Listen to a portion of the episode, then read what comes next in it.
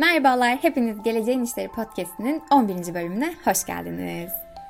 Sizler için kayda gelmeyeli bir 8 bölüm olmuş. Bu 8 doktalı bölüm için başta Halil'e, sonrasında Tayhan, Revşan ve Emrecan'a teşekkür ediyoruz. O bölümlere de göz atabilirsiniz. İlginizi çeken konular eminim olacaktır. Ee, şimdi geldik 11. bölüme. Bu bölümde sizlerle e, soft skill'ler, soft skill'lerin ölçülmesi, hali hazırda kullanılan yöntemler, bunların efektifliği, gerçekten mi ölçüldüğü yoksa yok efendim bunlar hep balon mu akışını takip ederek biraz tartışacağız. Aslında Halil 8. bölümde soft skill ve hard skill'leri çok detaylı bir şekilde anlattı. E, tekrara düşmeyelim diye ben onun bahsettiği konulara çok değinmeyeceğim.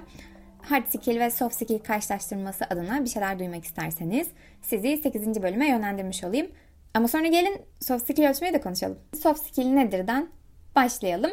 Kısacık bir tanım giriyorum burada. Her işte kullanabileceğiniz, temelde insan ilişkilerini kapsayan yetenekler hatta direkt people skill diye de bahsedilen yeteneklerin hepsini e, içinde barındırıyor. E, işte bunlar iletişim becerileri olabilir, liderlik olabilir, ikna yeteneği, ekip çalışmasına yatkınlık, işte zaman yönetimi gibi yetenekler. Bu yeteneklerde gelişmek için e, pratik yapmak gerekir. Yani uzun sürede gelişimini gözlemleyebiliyoruz sadece. E tabii bir de bunlar oldukça zor değerlendirilebilen yetenekler. Çünkü ölçümleri hard skill'ler kadar kolay olmayabiliyor. Bir de tabii hard skill'ler yapılacak iş için olmazsa olmaz olarak değerlendirilirken soft skill'ler sanki sahip olunsa güzel olur gibi algılanıyor ama buna şimdi çok girmeyelim.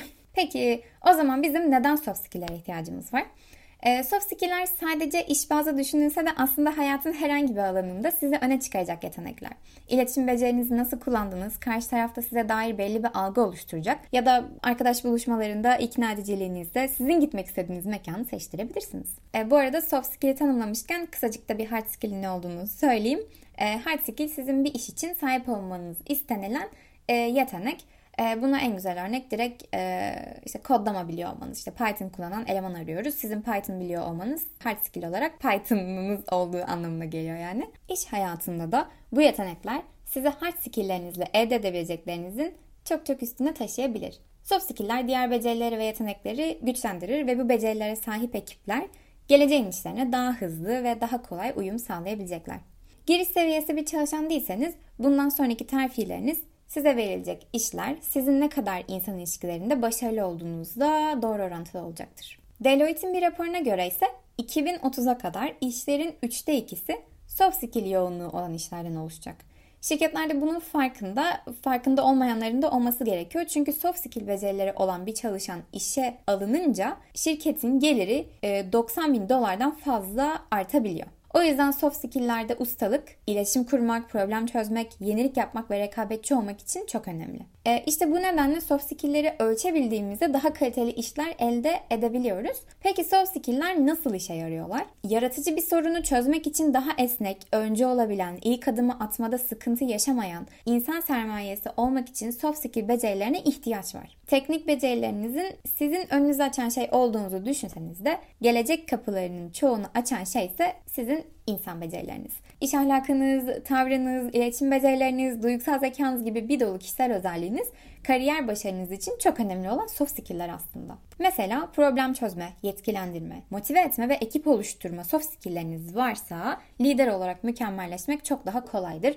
e, insanlarla nasıl geçineceğini bilmek ve olumlu bir tutum sergilemek de başarı için çok ama çok önemli. Peki gelin bakalım şu anda soft skill'ler nasıl ölçülüyor? E, farklı farklı yöntemler var. Bunlardan birincisi ve en çok kullanılanı anketler ya da değerlendirmeler. İşte bu anketlerde stresli durumlarda sakin kalabiliyorum gibi cümleler verilir ve başvuran adayların bu cümlelere kesinlikle katılmıyorumdan kesinlikle katılıyorum'a e, genelde B seçenekli olacak şekilde yakın olduklarını hissettikleri seçeneği işaretlemeleri istenir. Bu yöntemin artıları yok mu? Var tabii ki. Mesela sonuçların inanılmaz derecede ölçülebilir olması. Başvuran kişi kendini değerlendirerek sonucunda bir puan elde ediyor. Sayısal bir puan. Sayısal bir puanı ölçmek dünyanın en kolay şeyi. Başka bir faydası ise tarafsız olmaları ve birden fazla adaya tutarlı bir şekilde uygulanmasının kolay olması. Ee, aynı zamanda çok da verimli çünkü bir işe alım uzmanı geniş bir başvuru havuzunun değerlendirmelerini makul bir şekilde yönetebilir. Peki eksileri? Olmaz mı? Sağ baştan sayıyorum. Test ortamının steril olması.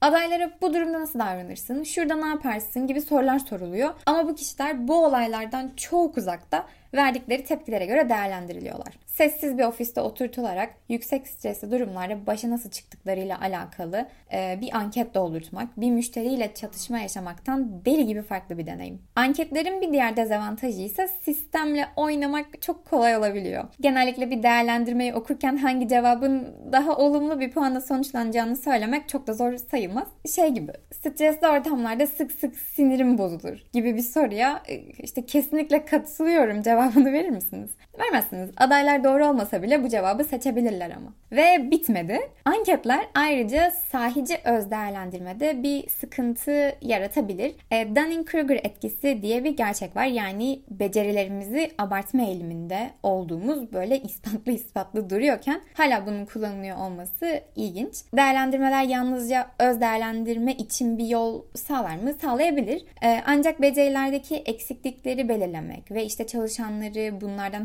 haberdar etmek için çok kritik olan işte feedback, geri dönüş sisteminden bayağı bir yoksunlar. Gelelim bir diğer yönteme. Davranışsal değerlendirmeler. Behavioral Interviews diye geçer.